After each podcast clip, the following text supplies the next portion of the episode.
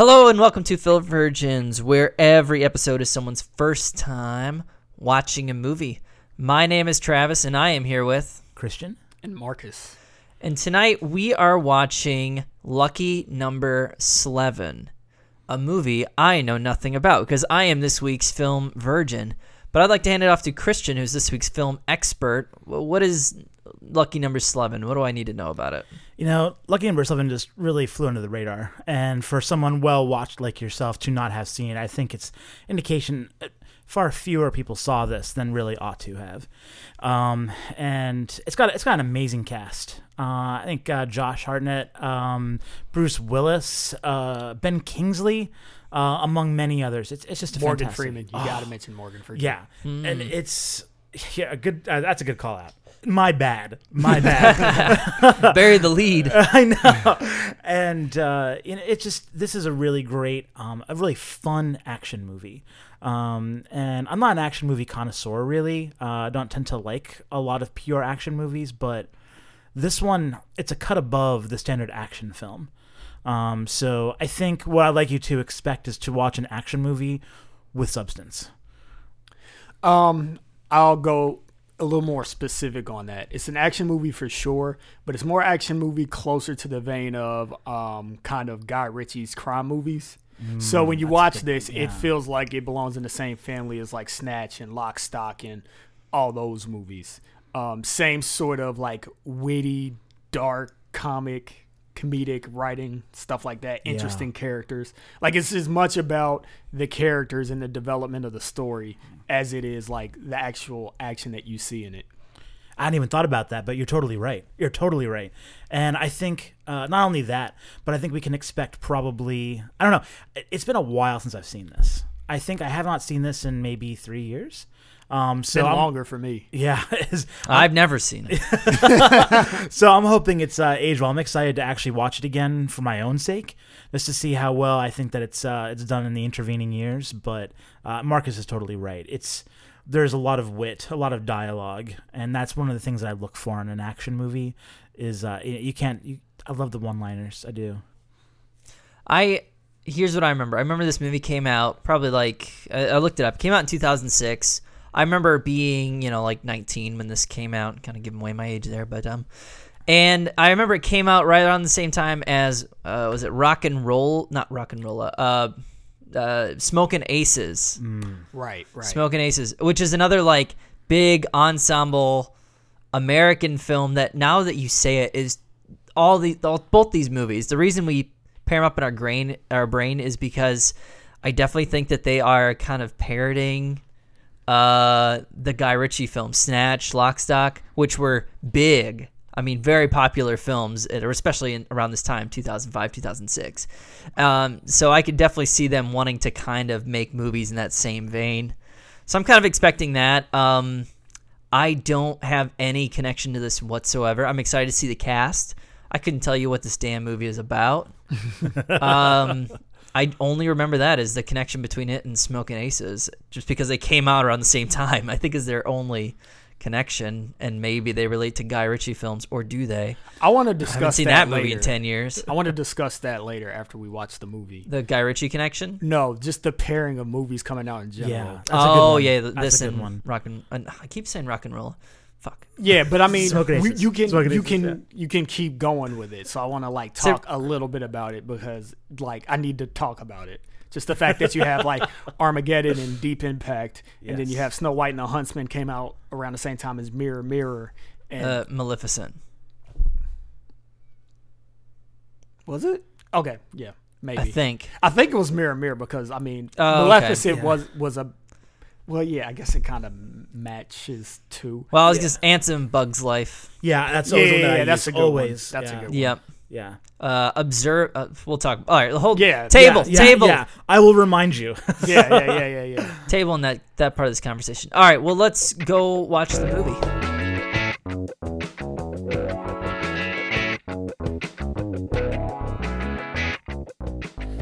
And we are back. We just finished watching Lucky Number Slevin, and I was the film virgin on this, and I have to say that this movie came out in 2006. It had a budget of somewhere around 27 million, and it ended up grossing um, 56 million. I can't remember what time of year this came out, but it made enough money. It wasn't too bad. Um, Christian, what is the plot of Lucky Number Slevin? This is about horse racing and about the fix, and the fix gone horribly wrong. Um, and uh, basically, this dude that tries to capitalize on the fix, and his family gets murdered. And then out of nowhere, you say it like that, it's kind of hilarious. Even though that's what actually happened. so, so that's the background and then basically uh kind of that's that's the actual foreground of the story begins with this dude who uh is a case of mistaken identity. And he gets um threatened uh to pay off his debts in really creative ways by two eccentric uh evil geniuses. Not really. They're not particularly smart. They're evil. staring at each other from across their New Jersey towers, um, played by Ben Kingsley and Morgan Freeman. That's that's basically it. At, at that point, it's just it's it's just like Marcus described. It's uh, Guy Ritchie kind of thriller, actiony, witty kind of a film. I have to say less action though. I don't. I would, Way less action than I would- remembered. I would. Uh. I would actually not call this movie an action movie. I wouldn't either. I, I I completely agree. I really misspoke when I call it an action film. There is action, there is action, but it's really Brief. pr- yeah, It's it's brief. it's and brief functional. and brutal, Yeah. and surprising. This is directed by Paul McGowan. McGoo McGowan Mc- McGugan. I don't know. He's Scottish. Let me see. Mr. Magoo. Let There it's. All right, He, me dr- Guigan. I don't know. he directed Gee. Push, Oh, which I didn't see. I didn't see Push either. Uh, and not much else. He directed Wicker Park, which came out in 2004. I, kno- I recognize that movie. Sounds familiar, but I'm not pulling uh, up anything in my recent memory. he directed some Luke Cage, like he's done some TV, but nothing much else. Uh, this one has a 51% on Rotten Tomatoes. Oh, come on. come that's on. that's pretty brutal, and it's a seven point eight on IMDb. So it's one of those movies that tends to be favored by the fans, I guess. What was the? Uh, do you have a Rotten Tomato fan score? Because I, I mean, I don't know. Sometimes I see that there's a large correlation between the IMDb score and the Rotten Tomatoes fan score. Right, over the critics. Um, Yeah, the score. critics, Yeah. because that that's a that's a pretty Well, solid yeah. Rotten. Where, how are the um IMDb scores generated?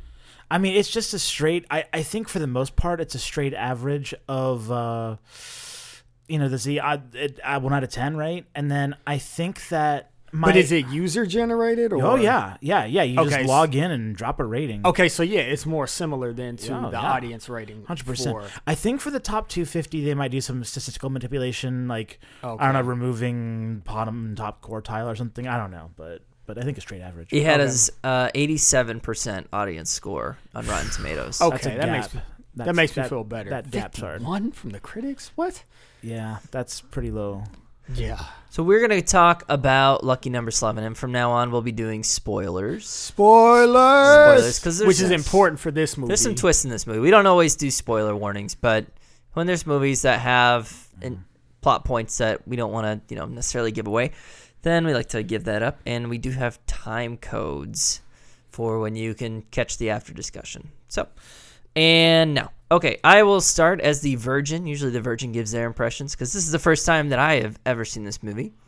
And uh, I have to say, an overall impression was I didn't love it. Um, I didn't love it. I didn't hate it. It's not a bad movie. Like I don't I don't think it's an awful movie.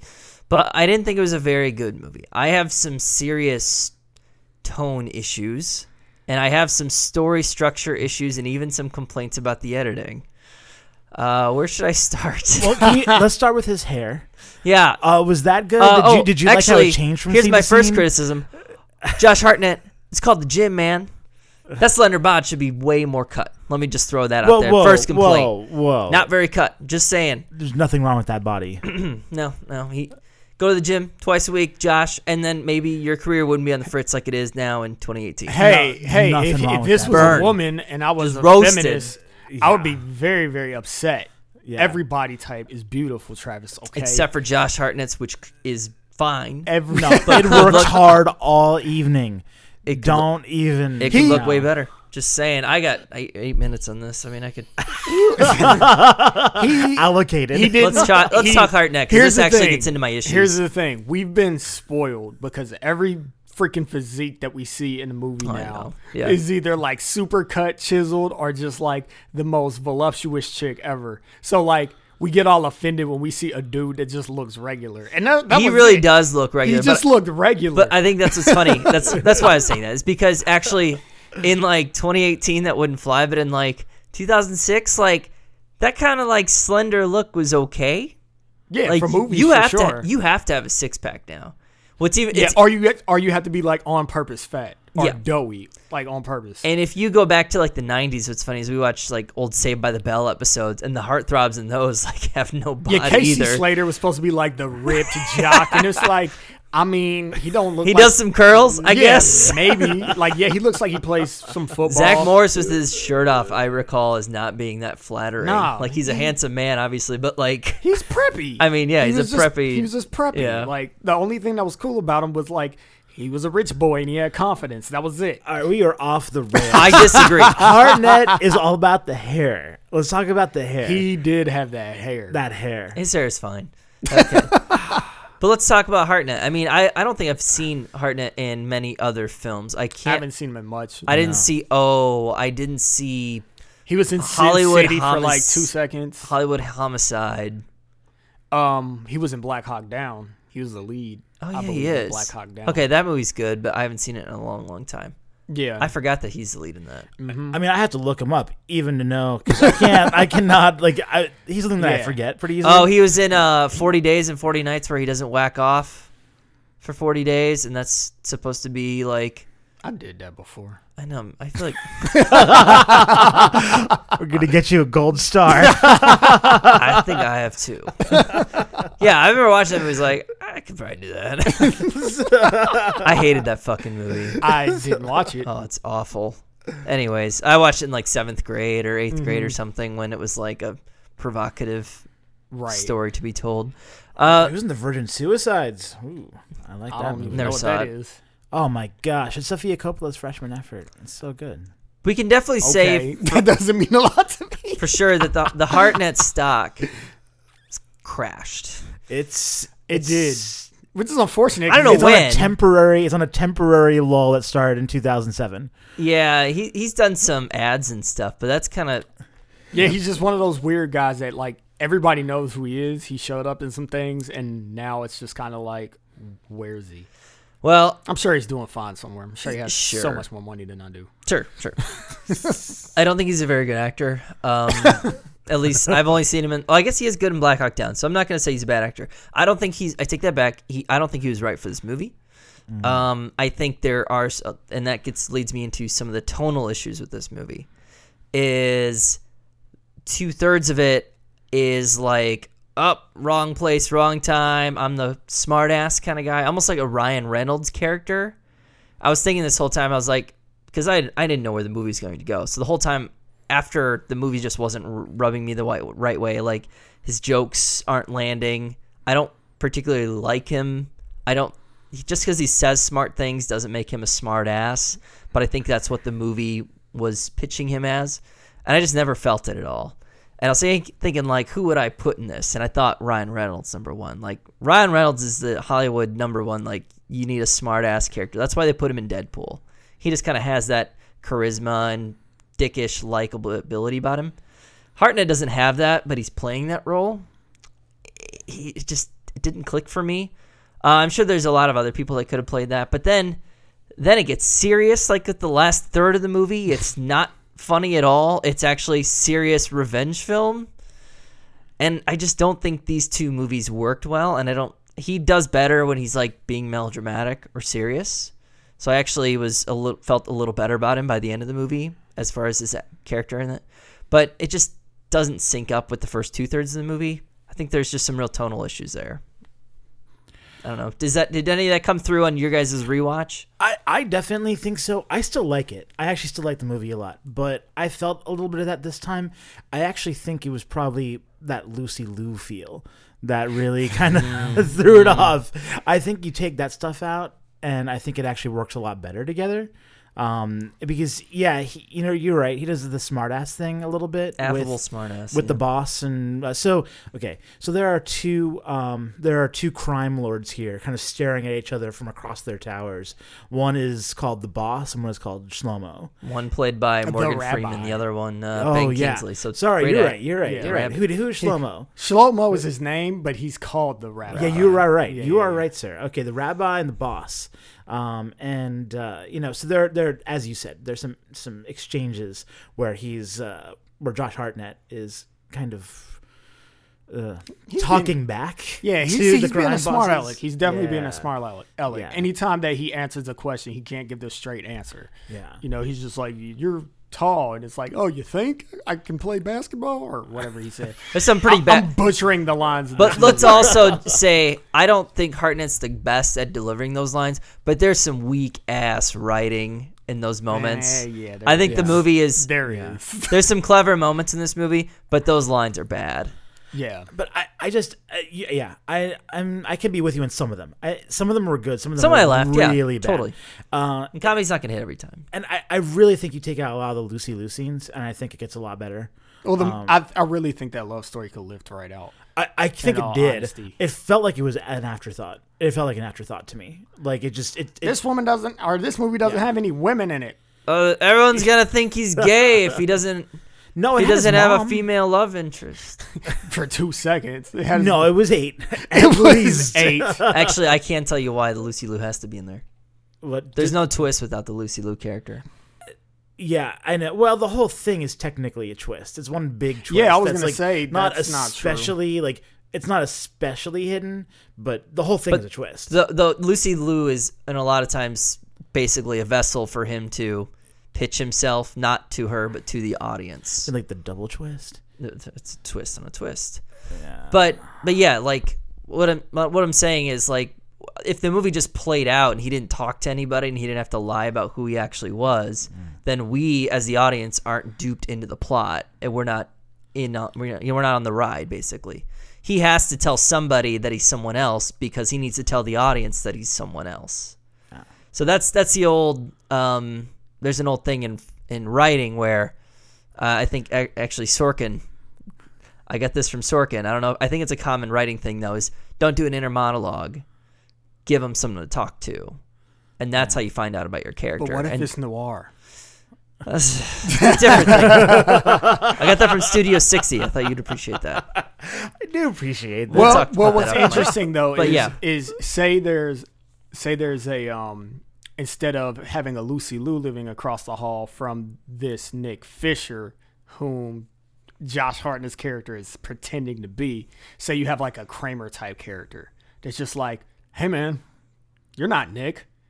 Like, what's going on? Like, let's figure it out. Like, you don't. So you can still have that character, All right. But Yeah, you good point. actually don't need the romance part in it. No, that's because true. what, what was interesting to me is okay, so we can fill the audience in on what happens. Part of what happens early on in the movie, as we're setting up the whole situation, is that uh, Slevin, Josh Hartnett's character, basically loses his job. He's going out to like meet a guy that he knows in quotation marks named Nick. So he goes to his apartment. Nick's not there, and then Lucy Liu, who's a neighbor across the hall, comes in and goes like, "You're not Nick." So basically, they have like like quirky banter. She's like this weirdo, overly outgoing, bubbly, very cute character, and so they kind of like hit it off as he's trying to explain the predicament that he's in.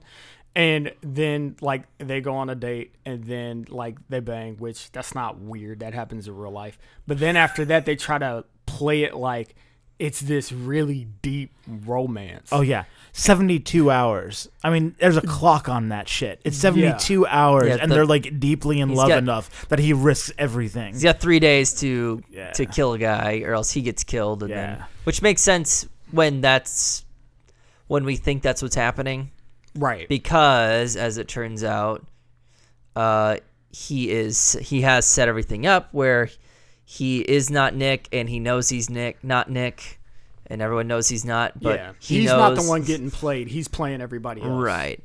And so then it uh, it starts to kind of break down like, oh, okay, so you why would you I don't know.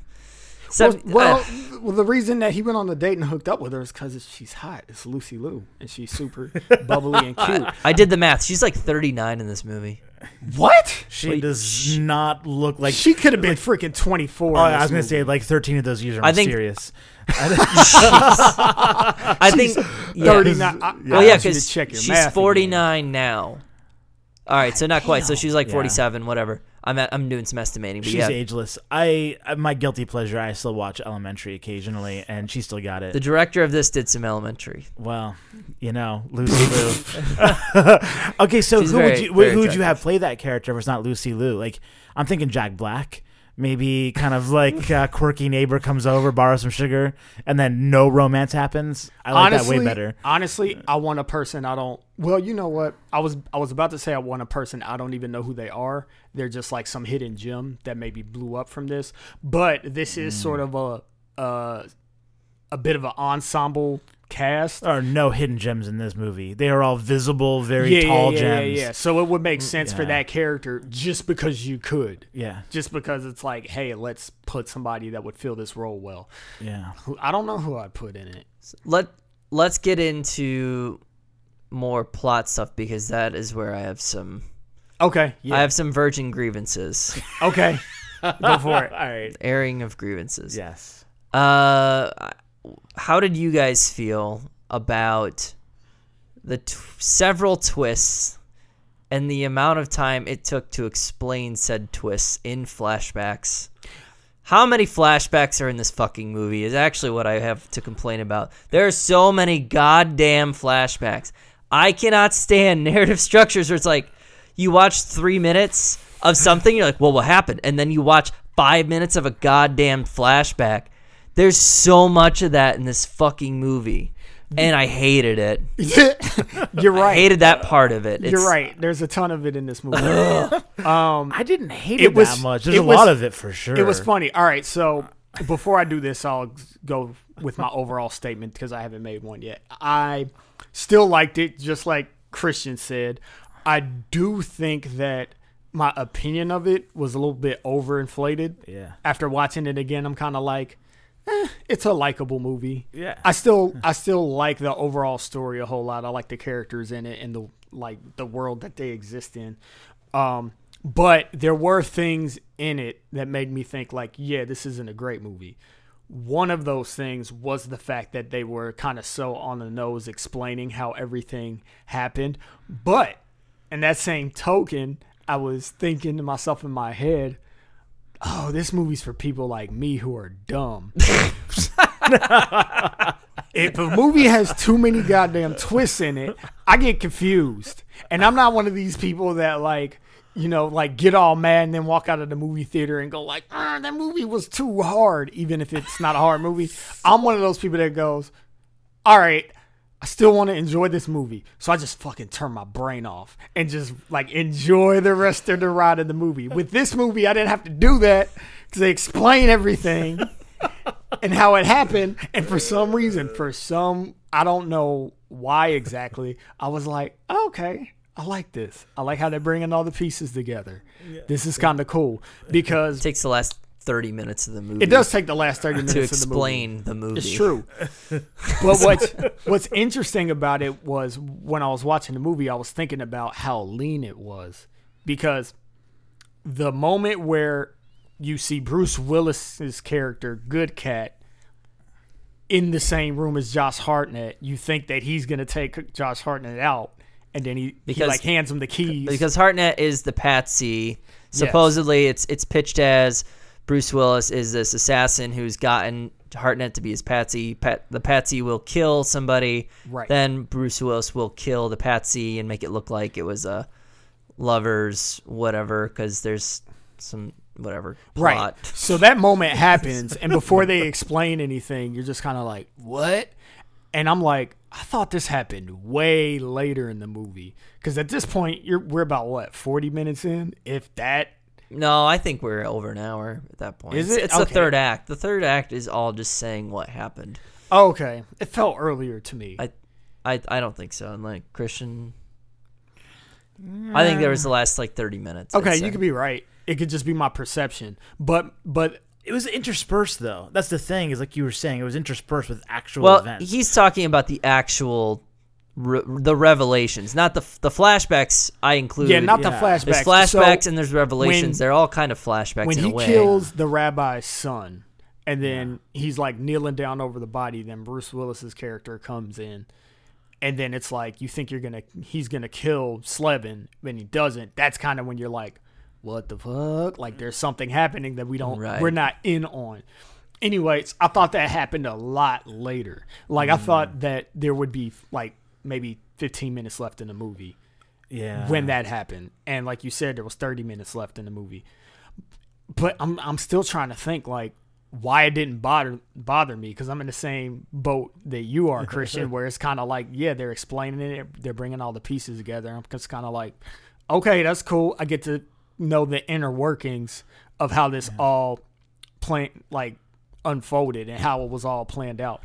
And maybe the reason why it didn't bother me so much is because like we were saying, we were gonna say spoilers because this movie is the spoiler. It's like trying to explain to somebody Gone Girl without spoiling it. Because it's one of those it's one of those instances where it's like, hey, this isn't Talia al Ghul at the end of Dark Knight Rises. Like the whole movie is actually built on this fact. Right. And if this fact changes, then the whole story actually has to change. So yeah, maybe maybe that's why. I- I'll say for me, um, I don't think that I really liked the narrative method like you did, but I actually just love the story. I think it's a great story. I think it's a great. I, I think the points are all there.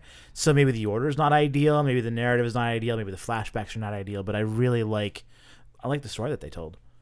Yeah, I think it. The story is fine, and it just needed to be the information needed to be doled out in different ways. And I also think, once again, tonally, that's my. You can get away with some of the stuff with you know if it if it's working. Some of the time jif jumping. I mean, Christopher Nolan fucks with time, and so does Tarantino, right? Like that's not anything new. But my problem is definitely in like the whole movie is I'm watch I'm supposed to be following a character who is not at all not who he seems to be. It's not that. It's just you're telling me this is like a comedic character or this is somebody who's kind of a smartass and he's none of these things and it just doesn't work for like Well, is it is it that it doesn't hit hard enough on the comedy? Because you bring up Tarantino and you want to talk about tonal shift in movies? he has to have here's what i'm saying. He has to have somewhat of a i would argue this he needs to have somewhat of who he actually is in his fake persona for this to work he's got to have some edge to him that's curious or intriguing that wants me to know more about him. And i think the problem is i did not give a shit about who he was. I can see, and they that. don't give you any reason to because they don't give you any any hints. They don't give you any hooks.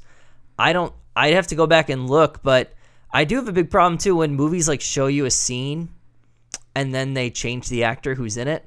Sometimes they cut around it and i'm not sure if this one did or didn't. I'd have to but there's like that first scene where a couple people get assassinated and one you i think you might they cut around his face i guess don't they in that baseball fight with the accountant Mhm. Yeah, you don't see him at all. you don't see his face. I think I thought I saw his face because I was don't. looking because you see that scene like three times.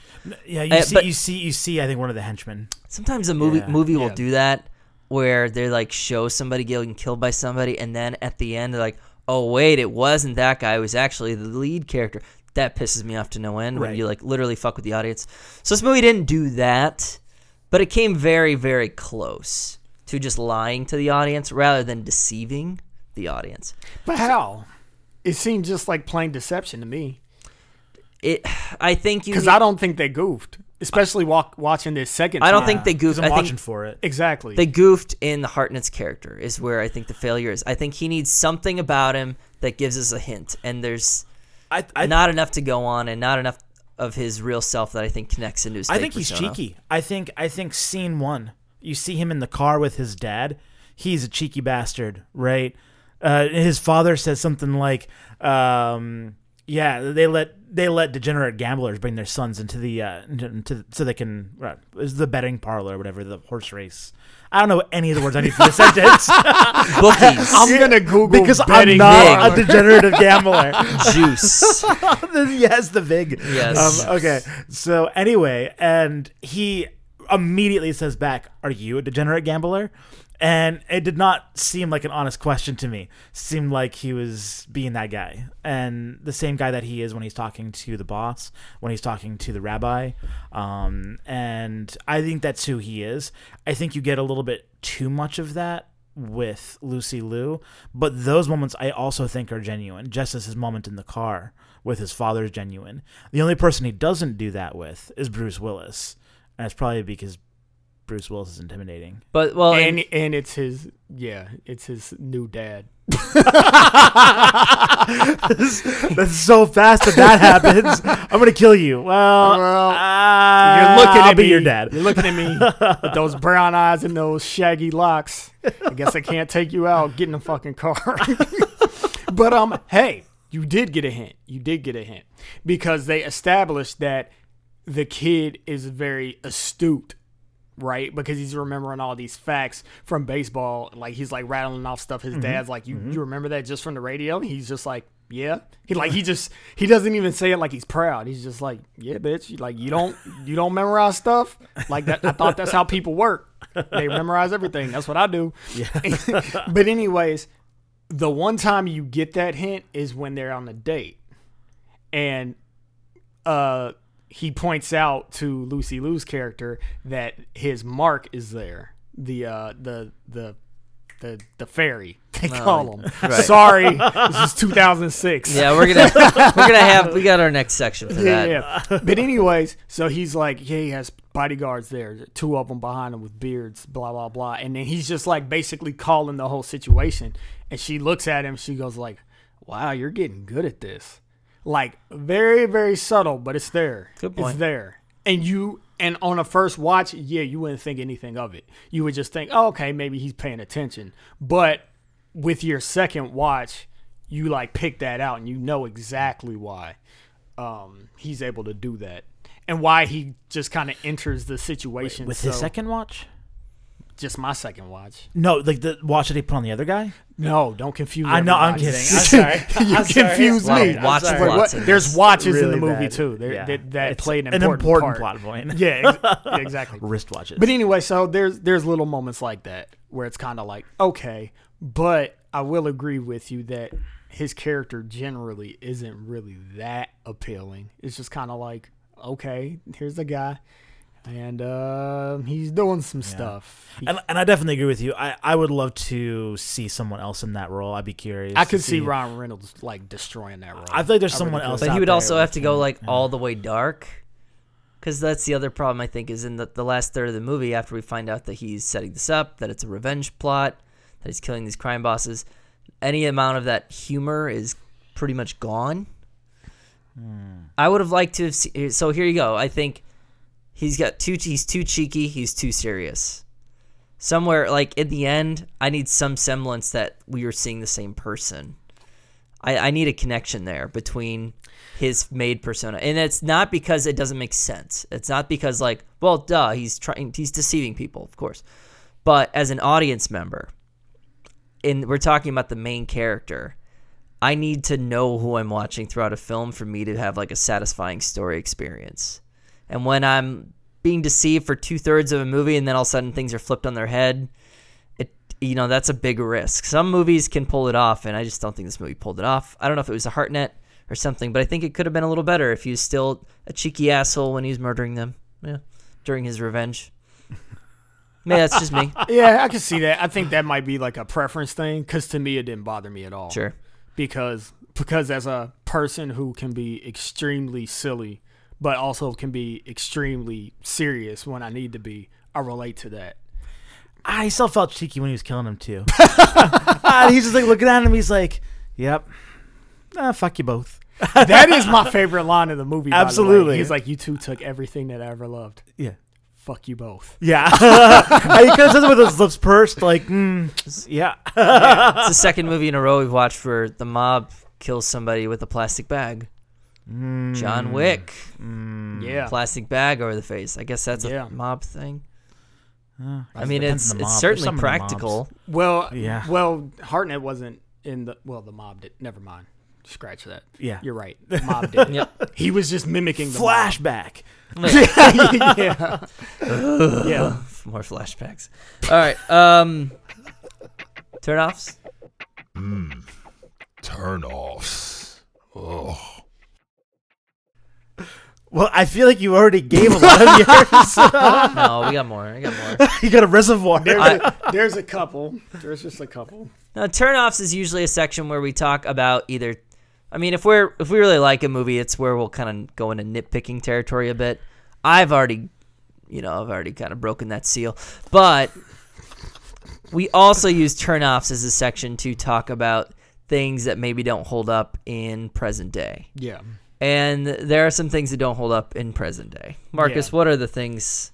What are your turnoffs, and what are the turnoffs that like another film virgin might have with this film? Okay. Well, my first turn, the first turnoffs are just always the um the ones that pertain more to social landscape and the the climate of the country and how you can kind of pinpoint when certain movies were made based on certain remarks.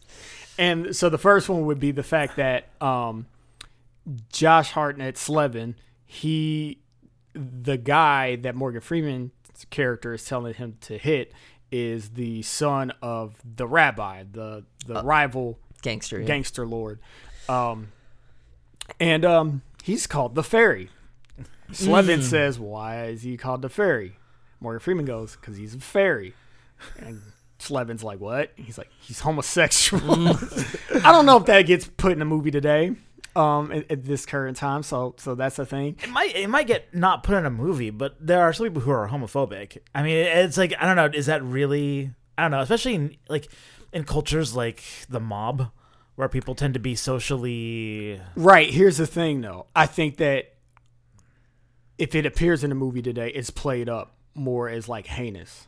Like this was supposed to be kind of like a like. I think this is played for a little joke. jab. That's exactly. a That good, was a that's a, joke. good point. That is Yeah. a good point. I think that. Oh, Agreed. he's fairy. He's gay. Get it? yeah, yeah. Got him. Yeah. Yeah, because actually, I remember now Slevin is all like, "What does he have wings and do magic or whatever he said?" And he's just like, "No, he, Jeez, he yeah, likes you dudes." are- But now, in retrospect, knowing that he knows everyone that he's going to kill was, why would he say? Was he just he's playing the game. playing- man. he's making fun. It's deceit. It's Oh, deceit. making fun? it's that but- Josh Hartnett wit. Ugh. So there's that.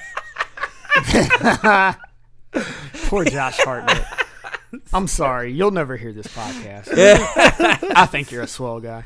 yeah, everybody loves you for your wit. But anyway, so the wit. second one, I don't know if you caught this line, but it was in the police van. And Oh the- yeah, the no, I did. I've referred to both of them with Yes. I yes, think we yes, looked yes, at yes. each other. There was a little moment where it was like, fine. very sad racial epithets. yeah, yeah, yeah. So the police van, because there's a third party to this whole mess. You have the Hasidic Jew uh, drug crime gang syndicate, whatever you want to call it. You have the black people. Um, anyways, then you have the police. The police have been staking out like the ongoings between these two towers, and they keep seeing Slevin pop up, and nobody knows who he is. So they're like, you know, we got to keep an eye on this kid.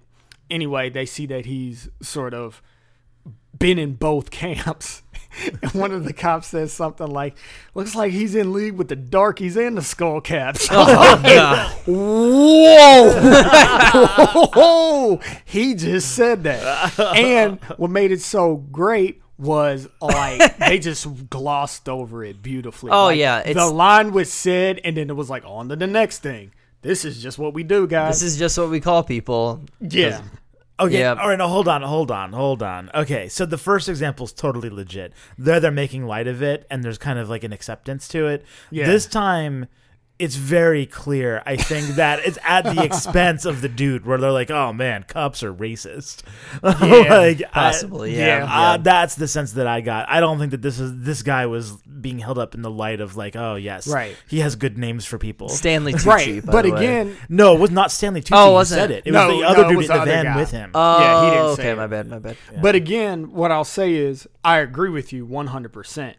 But the way that things are now, I think that those things get played up hard now. I don't think that they like blend in with the minutia of everything else that's mm-hmm. going on. It's uh-huh. either it's either like, you know, don't do it, like like we we're just going to dance around it or go for it hard. Or they're like so, so reprehensible that that's why they would say such reprehensible. Yeah, and they're all gonna like, get their yeah. like throats slit in slow motion at the end of the movie.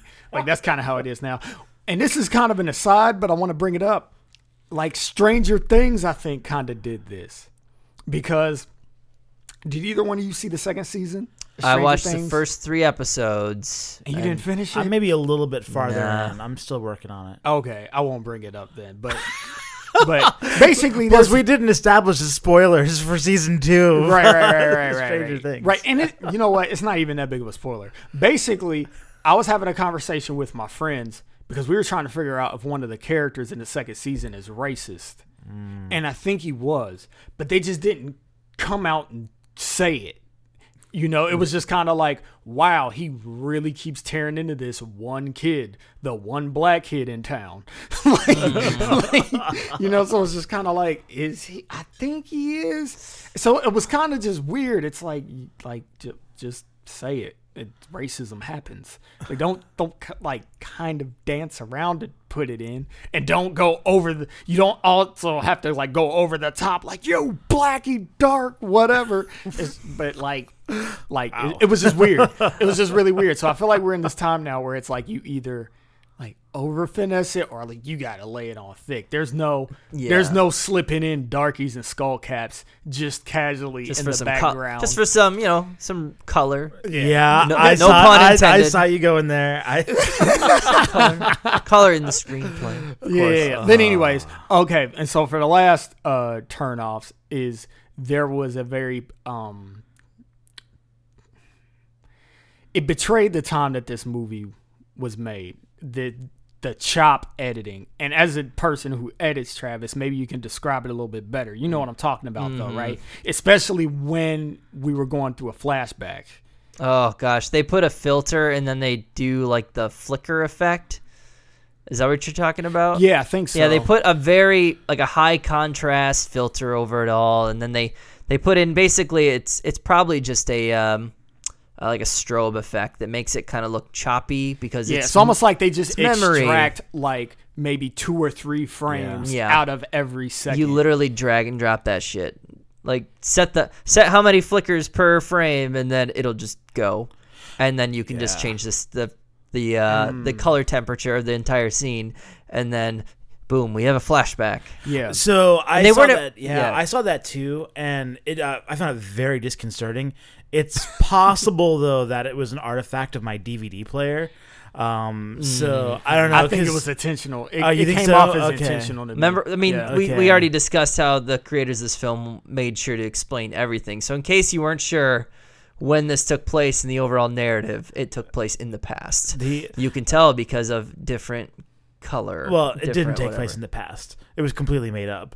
That's the point. Some of it's not. His Uh, Lucy Liu, I think Lucy Liu telling her what happened on the street That also real. has the them same. cuddling in the bed for no reason. That's all that oh, all that stuff actually happened, but Oh, yeah. still has all that the stuff that happened, to happened Josh in the Hart- past. Yeah, well, all the stuff that happened to Josh Hartnett. Yeah, though, not- that did not, not that, The four right. things that went wrong with him. Right, that, no, that's that was all fake. made up. No, that Yes. was that had the same kind of flashbacky. Hey, this thing happened in the past, as Lucy Liu telling events that actually happened in the narrative. And no, it doesn't. Here's the other thing. It, I hated it. Uh, I hated the color temperature in that. It's cheap, but like also in all those flashbacks, they just they show everything, and with just a little more style, they could have like really cut the like a Steven Soderbergh movie or something where like you might have like trimmed those really short and done like certain pauses or something like and zoom in on the important information instead of just like watching the scenes play out. And that's what I'm saying is the characters say something that happened in about a minute of screen time and then we watch the entire thing for 5 minutes. Yeah, it's kind of like having a PowerPoint presentation that basically has verbatim the sentences that the presenter is reading. Like it's like that's not Right. what that's not how that's supposed to go. Like So- people we don't take in information. We don't need to take in information that literally. And if we are taking in it that literally, it's it's not there's no style to that. There's no entertainment value to that. That's more just kind of like I'm studying for a test. Th- This, uh, if you're showing me that, you might as well just show me what happened. Like, just cut to that scene and let me watch it Right. in real time rather than you'll never believe what happened. and then I have to watch it for the next four minutes. Maybe I could have I'll just give been you- there with the character. I'll give you that complaint. I'll give you that. All right, yeah. I don't. Christian, any nip, uh, any turnoffs? Not nitpicks. These are turnoffs. They're different. Um, I'm on a list of turn on, but I guess it was occasionally off. I love the director's creative use of wallpaper everywhere. uh, it was fantastic, but I will say there were some wallpapers I did not like. So I think the one in uh, Nick's home is really bad. Terrible. Oh, really bad gosh. wallpaper. That was the wallpaper that was featured in the film. Oh yeah, You saw it the most. Oh yeah, it was real bad. Now the wallpaper in uh, Josh Hartnett's Slevin's fake house, amazing. yeah. really great, like mazes. It, it was I don't know, blew my mind. I want it in my house. There's a lot of hallways in this movie. A lot of Did oh, notice There- that? there's a lot. There's a lot of cheap set hallways yeah, I, it's probably Always with wallpaper. that are too modern to, for their own good because, as we all know, modern doesn't, ironically enough, never looks like the actual future. So when you watch something like this, you know, over 10 years later, it just doesn't hold up. I, I kind of feel like this director was trying to be part Guy Ritchie and part Wes Anderson. And the wallpaper and the hallways, that's Wes Anderson to a T. I mean, you look at like a Grand Budapest Hotel, and everything is a shot perfectly centered on a hallway with insane wallpaper and one thing that's slightly asymmetrical. And that's every scene of Wes Yeah. Anderson's It's movies. true. So Yeah, somehow he's a master. This guy, not so much. No, that is true. this is true. I still like the movie, but you know what? You know, definitely on this viewing, and I think probably since the last time I watched it, maybe I watch a lot of movies. I agree with that. I agree with that. I would. I will say though, I'd watch it again. Yeah. Not in the near future, No, but let's say you know six years down the road, Six. I got some time to kill. sixteen, maybe. I don't know. Maybe sixteen. Who Yeah, knows? it'll be a while. If I feel like seeing Lucy Loopy cute for no reason, Okay, that maybe. yeah, but I feel like there's better avenues for that. I mean, there's Elementary. we talked about this. it's true. There are better avenues. I could just watch Kill Bill for Yeah. that too. Futurama. Oh, yeah. Did she do Amy's voice? She, she- no, she has a, No. she's a head in a jar. Oh yeah, that's Yeah. right. Doesn't she get married to Bender or something crazy? she hangs out with Fry a lot. He's looking for something with more of a Lucy Liu feel. And uh, Or does he turn her into a robot? Okay, yeah, he's she is a Oh, robot. She's a robot, but yeah, then, The like, yeah, yeah, yeah. The Liu. the head of Yeah. Lucy Liu confronts Fry Right. later yeah. on. That happens. Yeah, Shanghai Noon. I mean, Right. there's so many great options. All right, anyway, It's true. Uh, you guys, you got, you Perfect any- segue yeah. into was it good for you? Oh. Before we were talking about Lucy Oh. Liu, we were talking about whether we would watch this movie again. Was it good for you? Who do you recommend this movie to? Mm. I, as the virgin, um, I I I don't know. I mean, there's a lot of movies to watch out there. I can't say this would be in the top Oh 20 films. I'd be like, you should go watch this. Um, it's not bad if it's on TV. You should finish it. For anyone who's two thirds of the way through. I'm sorry. it's not a bad movie. It's really not. I mean, I'm I'm I went pretty harsh on it, but like it's just not a very good movie either. It's okay at, I think at best. Uh, if you want to see, I mean, there's some decent performances. I, I like Stanley Tucci. yeah, he felt- he's just great. He felt like the most maybe kind of like a real character in this. Everyone else is doing fine. I mean, they're doing interesting. They're you know everything else is pretty over the top. He plays his a little more grounded. I thought that stood out. Um, I mean, Ben Kingsley's fun and Morgan Freeman's always great in everything. Those motherfuckers put a plastic bag over their head. I mean, I don't, unless they got a stunt double or something like these A-list actors put plastic bags over their heads at the end of this movie, which I definitely commend them for. So I mean, it's just worth it to see that because they worked for this film, and that's important. But no, uh, But no, I wouldn't recommend it. no, I don't. no. I really can't. Like, if it's on streaming or something, it's probably worth a watch. If it's on Netflix, sure, give it a watch. Um, or if, like I said, if you're uh, halfway through it on TV already, you should finish it. Watch the commercials. don't fast forward to the to them. Jesus. Give yourself a break from the persistent flashbacks and see what happens. All right, all right. Ch- cherry it out, man. Cherry, Yeah. uh, I get a three and a half. Jesus. Whoa, whoa, whoa, whoa, whoa. Integers only, sir. All right, uh, I'll give it a four. All right. I hate you. I'm sorry. I don't hate you. what did I gi- wait? What did I give? Uh, a movie that I didn't like. Well, you didn't like the big hit. What I did I remember that one because it really hate- hurt you- me. He It liked really the big hurt my hit the feelings. least. I think. What of I give the big watched. hit? I think I I gave it a pretty bad. Score. Three. Yeah, yeah, that's about. Yeah. Can I revise my score for this? Sure. Wait, what did I give it? I give Four. it. A, You gave it no, that's four. perfect. I'm getting emotional whiplash here, man. I'll leave it a four. Yeah, it's one better than the big hit. The big hit was funnier. Oh, the big hit is a lot. the big funnier. hit is a lot funnier. It's a lot. That is true. This one's a way better story and Mm, overall yeah. probably a better made agree. movie. Agree. Better But- story, acting, writing. I don't know. Avery Brooks. Okay. All right. All right, hold may, on. All maybe right. four is a little low, but I'm sticking with it. All right, I'm, no, I appreciate that. Okay, uh, this is a tough recommendation. I, I I'm kind of encountering the same problem. I think though that I would say someone who's looking for Guy Ritchie light, like Guy Ritchie Super without light. yeah, Super light. without the fat and uh, without the substance. All I lettuce. Think, yeah, iceberg. uh, I think. um, you know, someone a fan of the Kansas City Shuffle. I think, you know, I think someone who likes, honestly, I, I would say people who really enjoy heist movies. Um, I think it's got like kind of a heisty feel to it. I don't know, someone who really, you know, really digs on Ocean's Eleven of the world, you know, and uh, I think this this gives you the same kind of, I don't know, catharsis at the end. Um, so that's that's I think who I'd recommend it to. Um, man, I I'm gonna. Ooh, I feel like I, would- I I don't know how many cherries to give this. Um, I feel like it definitely went down upon this viewing. uh, I'm gonna say probably six. Uh, I, I thought it was really good, but I don't know. I feel like maybe I might have overestimated it. Yeah, I feel like I'm in the same boat. I'll start off with my um cherry rating.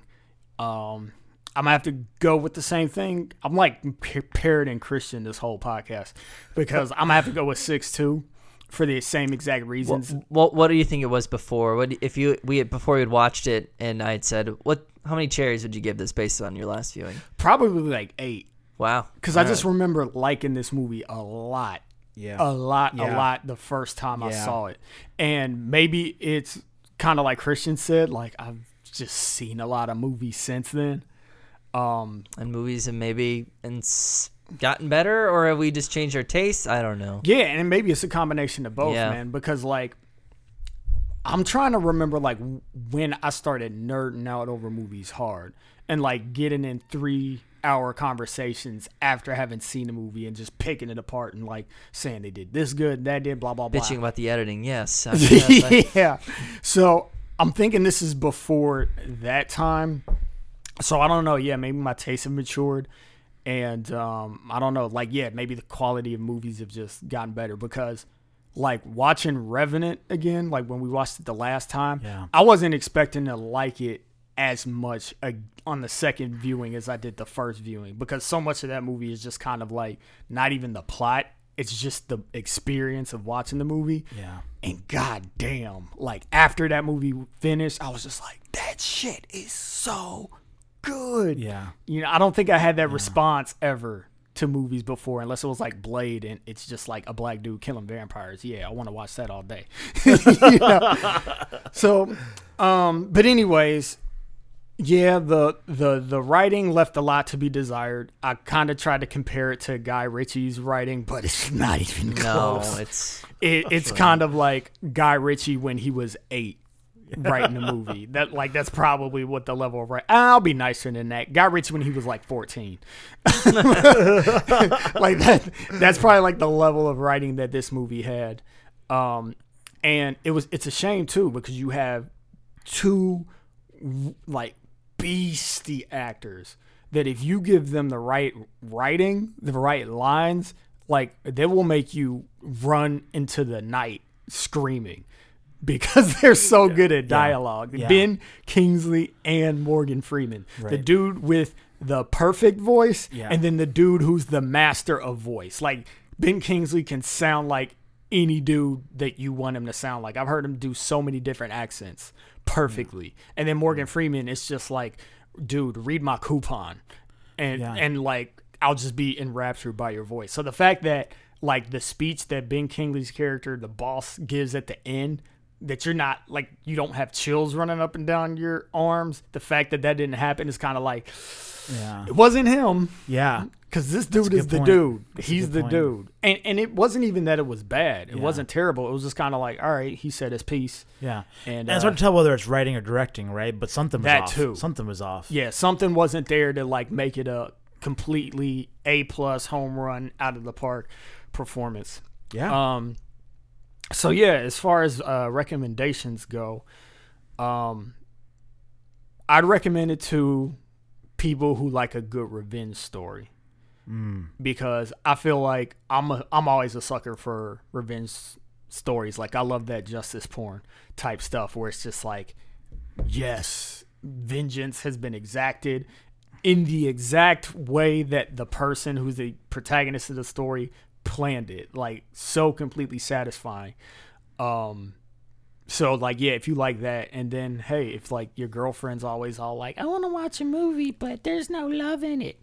Well, there's love for no reason in this movie. so you can have a date and watch it too. And especially if she's like my wife and like is like Breaking Bad's too serious, then you know this this isn't this isn't all that serious. There's a there's some short brutal violence. There are some scenes of brutal violence, but they are not over like overdrawn or anything like that. They kind of happen because they need to happen. Some of them take place in really like five to six hundred milliseconds. some realistic. I, what I perceive to be realistic headshots in this. Yeah. I like Yeah. that. Yeah. Well, um, so this movie fails to unseat our worst movie of all time, which remains Con Air. this is now in a three-way tie for our second worst movie of all time. The big hit, Mad Max 2, and now, of course, Lucky Number 11. Um, I do want to point A out three-way tie. What's the ch- what's the average rating of those so cherries for this? So five point three three for those those those three films, and then uh, had a straight five, hard five. So um, I, I want to point this out though. This is the first movie that we've watched where no one was willing to give it over a six. Um, every other movie had at least some champion that was going to give it a seven or an eight. Um, so that's something to point out is that we, you know, we had pretty tight ratings on this. Huh. So what did Con Air and uh and Mad Max have? Well, Who- Con who- had- who gave that above six? Well, uh, It's Travis gave Con Air an eight. Oh my Um, god. I stand by it. I stand by it. Fight me. uh, what was the other one you wanted to know? It is excellent to watch. It is an excellent movie to watch. I want to force Faith to watch it. I really do. I made her watch The Rock, and it was great. Oh, The Rock's a fucking blast. man. Oh my god, it's so Uh, bad. did you, what, what was the other one you wanted to know? Mad Max. Also, Travis with a seven. Ah, that's a great movie. Um, I I, I love gave, Mad I gave Max. Mad Max two a three and Con Air a two. Marcus, you you gave Con Air a five and Aw, just 'cause Mad Max fun. two a six. Okay. Just because they're both fun. They're just both. They're terrible, but they're fun to watch. These will be up on our website, or they are, or they will be soon, uh, and you can see them. They will never be up whenever there. we whenever we get our shit together. Yeah, we'll get our the together. Duke Nukem of ratings. Speaking of getting our shit together, we set up a discussion about twin films, and I've really Yes. paid that off really fast. Um, there is a Wikipedia page for twin films. Okay. Oh, there was a there were two films I wanted to mention. There was there's a uh, Olympus Has Fallen and White House Down. Yes, that's a good There's one. a ton of examples. and Olympus Has Fallen is way better, by the way. Uh, Neither one of them are great. All right, hold on, hold on, wait. I want, I want to, I want to put this one out there. I'm gonna name a film. You name its twin. All right, do it. The Matrix. Oh, it's What? the yeah, I know The it. one, No, it's No. the movie with Christian Bale. Is it not Equilibrium. No, No. way. Yeah. Equilibrium. Equilibrium was what? What? When did Equilibrium come out? I don't know. Look it up. I, I think, in my opinion, Matrix it was was, 99. Thirteenth floor. Oh, okay, I never saw that. No one saw it. I don't even know what. All the people went to the Matrix. It really I'll it give was you one. lopsided. Okay, yeah. All right. Paul Blart Mall Cop. Oh, this is not going to be good for me. Jesus Christ, I don't know. Yeah, Yeah. two mall cop movies came out the same year. That's just absurd. That's too too many. Observe and Report with uh, Seth, Seth Rogen. oh, oh. Yeah, do you remember that movie? Why would that anyone came do out. such a thing? No, I watched even one of those, but you'll never know which one.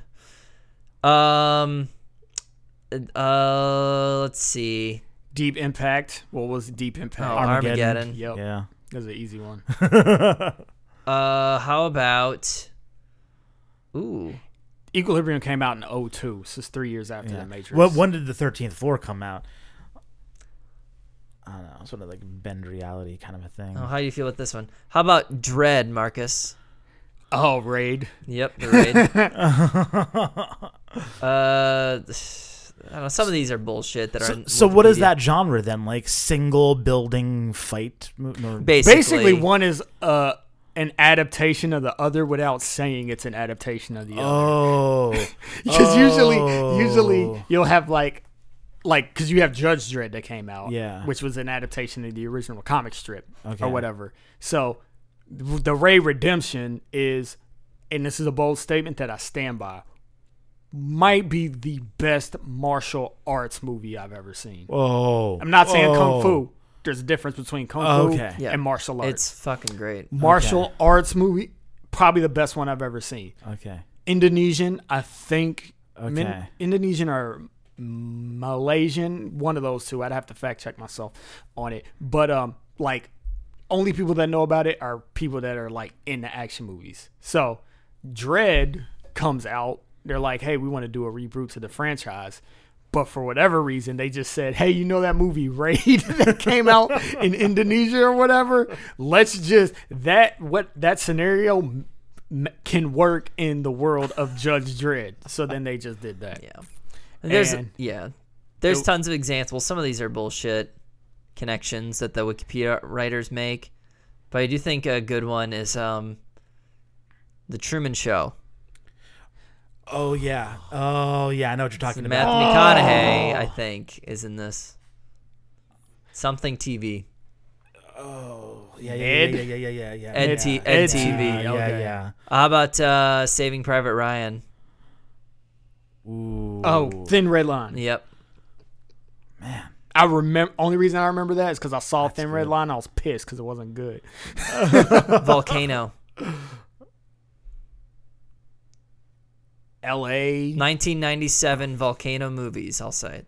One of them was called Volcano. That was Anne Heche and Tommy Lee No, no, Jones no, in LA. no. Oh, but oh, what oh. is oh. the other, Oh, the oh. twin movie? Oh man. Oh, Pierce Brosnan was in it, right? Yep. Oh, I'm out of my oh, depth. The summit. The. The the the. There is a peak. There is a mountain point in it. It- It's not an inferno. Inferno's peak. Dante's peak. Dante's peak. yeah. yeah. 13th floor, 99. Yep. Okay, Yep. Yep. Tombstone, Yep. Wyatt Earp. Like there are tons of examples. Yeah. What's not on here is Smoking Aces and Lucky Number Slevin because I don't remember Smoking Aces, but I don't think these movies have anything any relationship other than like a tenuous one of genre. Exactly. Very tenuous because Smoking Aces is straight up action. Mm. Like had we said Smoking Aces is action at the beginning, we would have been spot on right. Um, and now I'm interested to see that movie again because I remember really, really, really liking that movie, and it might have aged better because that one played less of the like let's have an interesting plot and more just like let's make an interesting heist movie that has a bunch of famous people in it and they're shooting the shit out of each other the whole time. Time for quickies. Uh, quickies. Quickies. I got one. Um, so I've actually been rewatching, and I, I never actually watched the entire thing. This is why I'm rewatching it. Um, it's called Hell on Wheels, and it's a railroad western. It's amazing. It takes place after the Civil War. Um, it has one of the best film virgins actors of all time, Colm Meaney, and yeah, It's the fourth Colm Meaney Shout drop. out! yeah, love that dude. Subscribe to us, Colm Meaney. We love you. it's His name is incredibly hard to. Tw- I put a Twitter like this is our fourth reference to Colm Meaney, and I tried to spell his name. it's a hard ass name to spell, is it? and he's not on Twitter. Well, you know, you know Why Why is he not on Twitter? He's so amazing. Um, but there's so many different ways to spell stuff in English that it's just like, yeah, I could. There's like eight ways to spell meanie. Man, I, I, I really, I'll tell you what, I just absolutely love. Sorry to derail Yeah. you. Oh gosh. No, sorry. Okay, that was really bad. Got him. okay. Got anyway, Hell on Wheels really great. Uh, takes place in the background. Basically, the Civil War just ended, and so there's a lot of issues about um, kind of free slaves working in the railroad. Um, Eastern Asian folks also coming over working on the same thing. Uh, some of the uh, exploitation um, that the rail barons basically used to, to earn more money for themselves, and um, basically relationships with uh, with Native Americans. It's really great. Um, uh, also got Common, who's really cool, who I actually saw once in real life at a restaurant in Manhattan.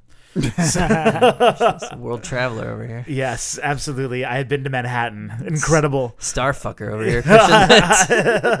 I mean, truly, does anyone get around more than me? That's it for me.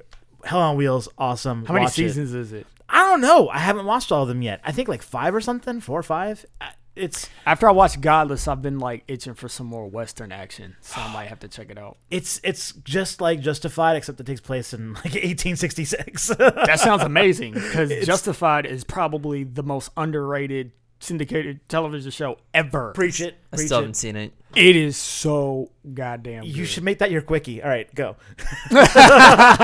Um, that won't be my quickie, but I will say watch Justified. Yes. Get through the first half of the first season. First half of the first season oddly feels like a USA show. Yeah. I'm not sure what happened, but then it gets FX real quick and it Yeah. just becomes this sprawling story that is just filled with amazing writing, awesome actors. Walton Goggins killing it, Olyphant killing it.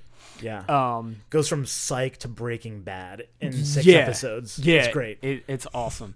But um, but anyway, my real quickie is uh, me and the lady. We actually um, two nights ago saw the third movie, the final chapter in the death. Dang it, Ari, Ari, fucking messed that up. We saw the third. we saw the third movie, the final chapter of the Maze Runner movies, the Maze Runner trilogy, Death Cure.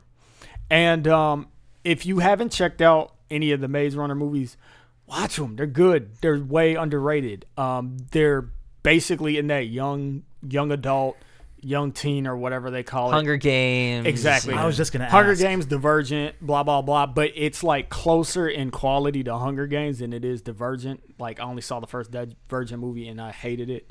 Um, I wouldn't say I like them as much as Hunger Games, but I do like them a lot.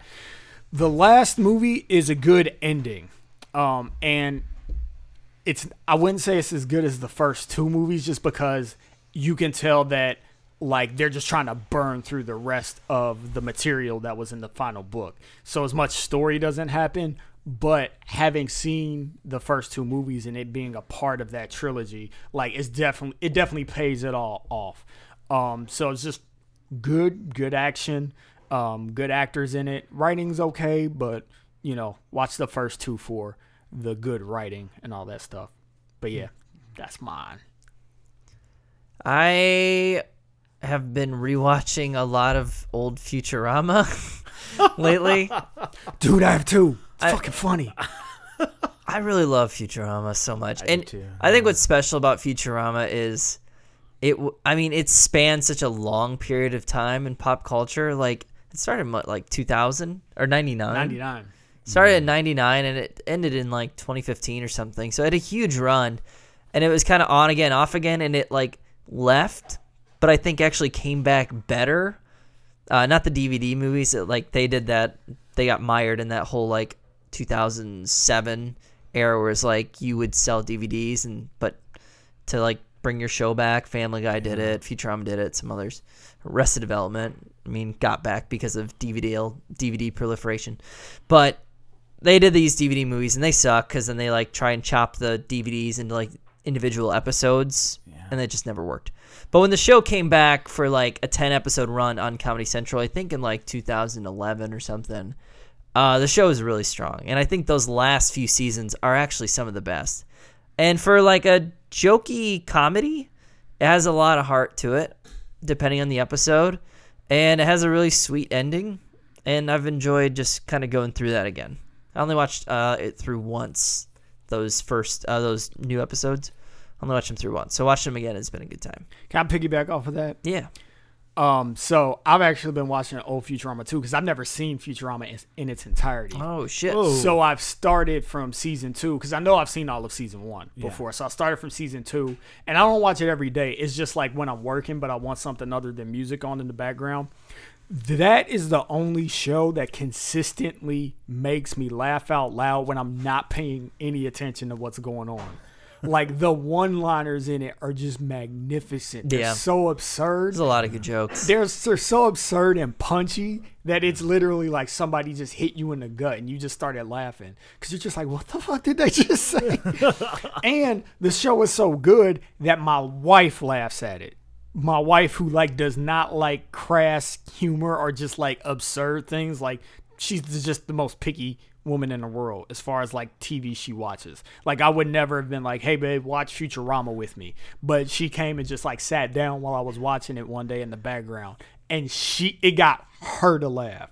Genuine laughter. So, hey, if you haven't watched Futurama, do it cuz this show is great. Yeah. It it's it's wonderful. It's really not crass by any modern. uh, This is true. This and is it's true. really just it's a sweet show. It's funny. It's beautiful. It's good sci-fi even. Yeah. Oh yeah, yeah, yeah. It has a lot. Of, Consensus. If this were a movie, it'd be our number one. Absolutely. yeah, for sure. All right. Well, I guess that is all the time we have. Thank you so much for listening. Uh, follow us on Twitter, please. And come back next time for more film conversations. I have been Travis. I'm Christian. And I've been Marcus. Stay sexy, internet.